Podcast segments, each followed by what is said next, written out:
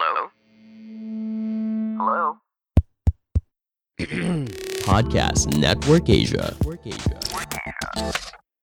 Banyak yang bilang cowok itu tidak realistis untuk hidup dalam hubungan monogami karena udah dari zaman bahula turun-menurun secara genetik wajar pria itu hidup dalam hubungan poligami. Wanitanya banyak dari zaman nabi-nabi dari zaman David, Salomo itu kan istrinya banyak, pasangannya banyak, dayang-dayangnya banyak gitu loh. Sampai akhirnya kan dibatasi di nabi terakhir bahwa poligami itu hanya boleh empat aja katanya. Tapi di sisi lain, wanita kan pengennya pria itu setia. Wanita pengen ya pria itu udahlah cukup lah, gak usah cari wanita lain lah, udah monogami aja gitu. Tapi bisa nggak ya? Yuk, mari kita bahas.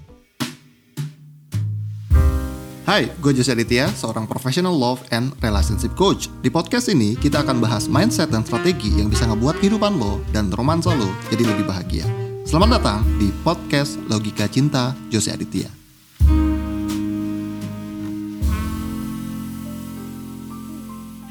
Yes, halo halo semua, Assalamualaikum warahmatullahi wabarakatuh. Kapan pun di mana pun lo denger podcast ini Gue ucapkan selamat datang, welcome welcome Di podcast gue, Logika Cinta Jose Aditya. Dan untuk lo yang baru pertama kali mampir, salam kenal. Semoga betah ya. Boleh yuk di follow dulu akun podcast kita di Spotify Biar lo gak ketinggalan update episode terbaru dari kita. Terbitnya setiap hari Rabu kalau gak salah ya. Dan kalau lo ngerasain banyak dapat manfaat dari podcast ini Boleh juga dong kasih kita rating bintang 5 atau bintang berapapun Yang menurut lo layak biar bisa support podcast ini beredar luas di telinga para wanita logis, wanita hebat, wanita luar biasa, cantik, rupawan, jelita seperti lu. Eh, Gilat ya gue. Hmm. Nah teman-teman, sekarang kita akan ngebahas tentang pria apakah realistis untuk hidup di hubungan monogami atau poligami. Hmm, hmm, hmm, hmm. Ini topik yang cukup panas mengingat beberapa minggu bulan terakhir tuh ada aja artis yang ketahuan selingkuh, ada aja artis yang ketahuan tidak setia lah, dan itu mungkin bikin lo overthinking. Nah, untuk menghapus semua overthinking itu dan untuk tahu solusinya apa, yuk langsung aja kita bahas. Apakah benar pria itu tidak realistis untuk hidup dalam hubungan monogami? Jawabannya adalah iya. Kok iya sih coach? Iya emang iya. Emang datanya begitu, tapi biar ini tidak menjadi seksis ya dan tidak menjadi sebuah generalisasi, gue akan sedikit ngomongin data ya. Gue akan sedikit ngomongin data saintifiknya. Ini bukan gue yang ngelakuin riset, ini risetnya udah ada terbuka di mana-mana. Lu silahkan googling aja. Nih, gue pengen lu membayangkan. Untuk lu ngerti ini, gue pengen lu membayangkan, mengimajinasikan pulang kerja capek luar biasa badannya remuk rentek habis makan pengennya bobo terus lu tidur lu relax tidur bangun-bangun lu dapat notifikasi. Ting tung, selamat kamu dapat uang 300 juta rupiah ke rekening kamu. Silahkan dibelanjakan sesukanya, habis gak habis, besok di jam yang sama kamu akan dapetin uang 300 juta rupiah lagi. Hmm, Awalnya mungkin kamu gak percaya, masa sih di hari pertama gak kamu belanjain? Kamu takut ini uang siapa? Jangan-jangan nanti gue akan dituntut, jangan-jangan nanti gue akan begitu. Wah, overthinking. Lu kerja seperti biasa, uangnya cuma diliatin doang di rekening tapi tidak dibelanjain karena lu takut. Terus lu tidur. Besok paginya masuk WA lagi notifikasi. Ting tung. Selamat. Hari ini jatah 300 juta kamu sudah ditransfer. Silahkan cek rekening kamu. Terus kamu cek rekening. Iya lo bener lo ada lo jadi 600 juta yang kemarin belum dipakai sekarang ditransfer lagi 300 juta. Waduh gimana ini?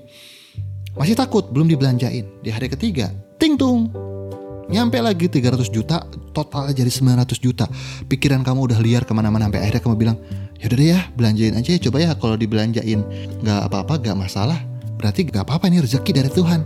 Akhirnya lu beli sesuatu. Let's say dengan 900 juta lu beli mobil. Ya. Mobil apa tuh ya? Tahu lah ya, mobil apa tuh 900 juta lu 500 jutanya lu buat beli mobil. Itu mewah banget kan? Eh bener loh. Habis lu beli, tidak dipertanyakan, tidak dipermasalahkan, dan gak ada yang nuntut lu. Lu senang bawa mobil itu pulang. Terus lu tidur, besok pagi lu sudah mulai menantikan. Aha, ada lagi nih 300 juta lagi. Bener, hari keempat ada ting tung 300 juta lagi. Kemarin kan dari 900 sudah dibelanjain 500, berarti tinggal 400 lagi kan. Nambah 300 jadi wah total 700 juta. Akhirnya kamu pun jadi punya kebiasaan belanja karena keberlimpahan uang. Kenapa gue ngomong hal ini? Itulah yang terjadi sama pria. Cuma bedanya dia dapat transferan 300 juta sel sperma setiap hari. Dikeluarin nggak dikeluarin? Sel spermanya terproduksi 300 juta sel setiap hari. Tiap hari guys, bukan tiap seminggu, bukan tiap dua bulan, bukan tiap tahun. Tiap hari guys ditransfer 300 juta sel sperma tiap hari. Makanya kan cowok tuh kalau udah tiga hari tidak dikeluarkan sel spermanya dia akan keluar secara alami melalui mimpi basah ya. Sedikit pembelajaran tentang biologi. Well apa hubungan ini sama tidak realistis? Nah tolong jangan hajar gue ya. Tolong jangan pukul gue karena pria punya abundance of sperm punya punya keberlimpahan sperma maka kalau kalian ngelihat pria itu sangean dikit-dikit sangean atau bahkan lagi stres juga sange kan beda sama cewek ya cewek kalau lagi stres kan nggak mau tuh uh, hubungan seks tapi kalau cowok lagi stres tuh justru lagi nyari oh mana nih gue pengen pengen ML gitu ternyata itu ada kaitannya dengan hormon yang disebut dengan testosteron. Untuk teman-teman bisa riset sendiri testosteron adalah hormon yang sangat berkaitan erat dengan kebahagiaan pria. Pria dengan kadar testosteron yang cukup akan punya mental clarity yang lebih baik, akan punya otot yang lebih bagus, pertumbuhan otot dan tulang yang lebih kuat, terus juga dia nggak moody, dia siap menghadapi tantangan, dan dia akan ngerasa pede. Pria dengan level testosteron yang optimal akan jadi leader yang baik, akan jadi pria versi terbaik. Pria dengan level testosteron yang rendah akan jadi pria yang versi terburuk yang disebutnya dengan irritated male syndrome. Hmm. Dan kalau cowok udah irritated male syndrome, kegiatannya itu suka ngeluh, lari dari masalah, uh, moody, bahkan bisa sampai depresi. Coba deh cek laki lu, suami lu. Kegiatannya gitu gak? Kalau gitu jangan-jangan jangan-jangan lagi kena irritated male syndrome. Hmm. Nah, karena hormon ini begitu penting, ya, hormon ini begitu penting. Maka pria dalam aktivitas sehari-harinya itu sangat bergantung dengan stimulasi produksi testosteron. Secara alam bawah sadar dia akan nyari aktivitas apa yang bisa menstimulasi meningkatnya kadar testosteron gua. Dan salah satunya adalah dengan berburu, tanda kutip ya, berburu wanita baru. Dan memuaskan si wanita baru tersebut dan menunjukkan betapa perkasanya dia di de depan wanita tersebut. Nah, ketika dia ngerasain itu, testosteronnya naik. Makanya kalau berdasarkan data ini aja, pria itu tidak realistis untuk hidup di hubungan monogami. Tapi kan, nah, ada tapinya. Pria nggak cuma punya testosteron, pria juga kan punya belief system, punya value, punya hormon-hormon yang lain. Tapi teman-teman, teman-teman perlu ngerti betapa vitalnya peran testosteron dalam pria.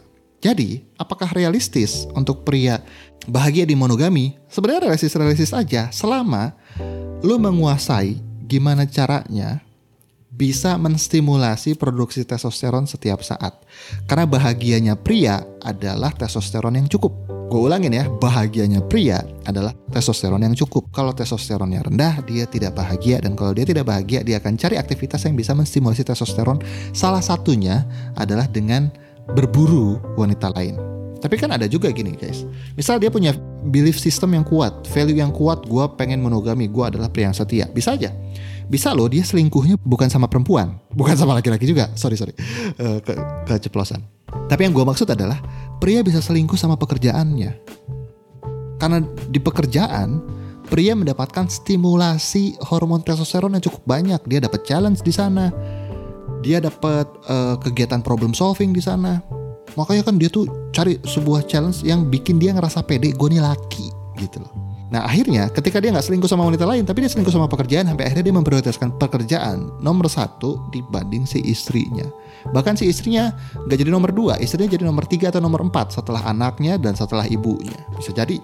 Dan ketika dia terjadi kan wanita sama aja tersiksanya meskipun si pria ini tidak poligami, tapi kan dia tidak memprioritaskan si wanita. Terus gimana dong caranya? Simple. Kalau lu pengen pria happy dalam hubungan monogami, maka yang perlu dilakukan adalah mengkondisikan rumah dan hubungan sebagai tambang utama yang bisa menghasilkan testosteron.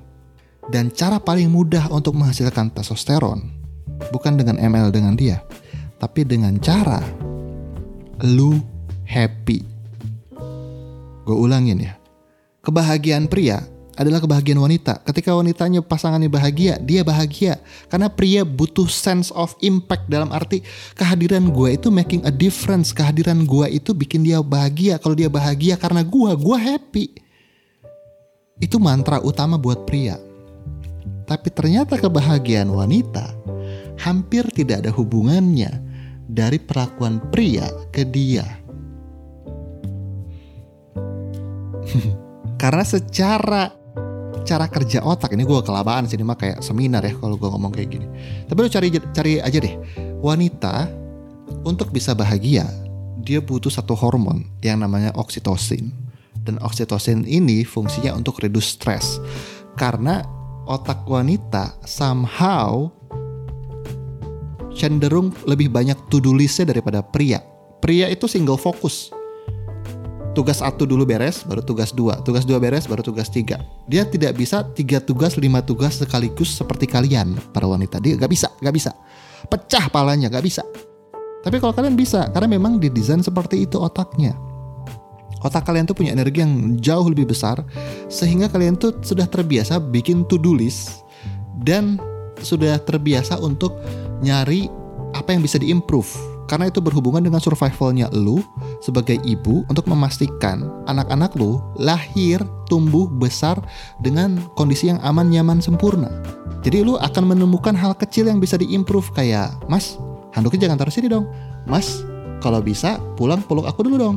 Cuma banyak wanita tidak paham bahwa apa yang mereka lakukan dengan mereka punya to-do list dan akhirnya mereka nuntut dengan akhirnya mereka mengejar kesempurnaan dan komplain, mereka nggak paham kegiatan itu adalah kegiatan yang membunuh stimulasi testosteron. Karena ketika pria melihat wanitanya tidak bahagia, dia pun tidak bahagia. Dan ketika dia tidak bahagia, kocaknya dia nyari stimulasi lain di luar untuk dia bisa bahagia. Karena kebahagiaan pria sangat berkaitan erat sama testosteron, tentu ada dopamin, serotonin dan lain sebagainya. Tapi yang paling dominan adalah testosteron. Kalau di wanita adalah oksitosin. Dan wanita dapetin oksitosin dengan cara ngobrol, curhat, uh, social connection, dapat support atau nge-support, ngerawat, nurturing, dipijit, memijit, itu wanita dapat dapat itu semua. Nah, kalau satu sama lain tidak saling mengerti, boro-boro bisa dapat pria yang setia. Dan kalau pria juga gak ngerti bahwa social attachment atau didengarkan tanpa putus nggak usah dikasih solusi itu adalah cara yang baik. Bahwa itu ada kaitannya sama oksitosin maka pria juga nggak akan ngerti sama wanita. So realistis gak pria hidup di hubungan monogami? Realistis. Kalau si wanita ngerti bagaimana mastering oksitosin di dalam tubuhnya sendiri dan kalau si wanita ngerti gimana caranya menjadikan rumah sebagai sumber produksi testosteron untuk si pria. Kalau ini terjadi, jangan heran kalau hubungannya bisa langgeng bukan sampai kakek nenek tapi juga sampai surga kelak. Cukup dulu dari gua. Kalau pengen belajar lebih lanjut, bisa join di telegramnya Love Coach ID. Itu kita ngasih tips gratis. Lu bisa ikutin webinar weekly secara free. Ada juga webinar yang berbayar, ada promo-promo di sana. Tapi kalau lu pengen belajar lebih serius, bisa ikutan di True Love. True Love adalah platform upgrade diri khusus untuk wanita agar punya hubungan yang sehat dan kesehatan mental. Langsung aja cus ke sana. Per bulannya murah banget untuk jadi VIP, subscribe ya. Setiap bulan itu cuman berapa nggak nyampe 200 ribu. Worth it lah untuk kebahagiaan mental dan hubungan kamu. So itu dia dari gua. Sampai jumpa di episode berikutnya. Be great, be love, and start today.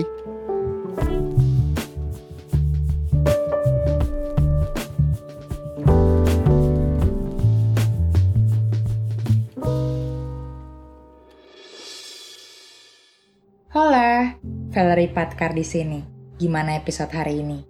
Pasti seru banget. Jangan lupa juga untuk dengerin podcast Lover Session yang ngobrolin banyak banget tentang segala bentuk dan warna cinta lewat teman-teman fiksi kamu. Sampai jumpa di Lover Session.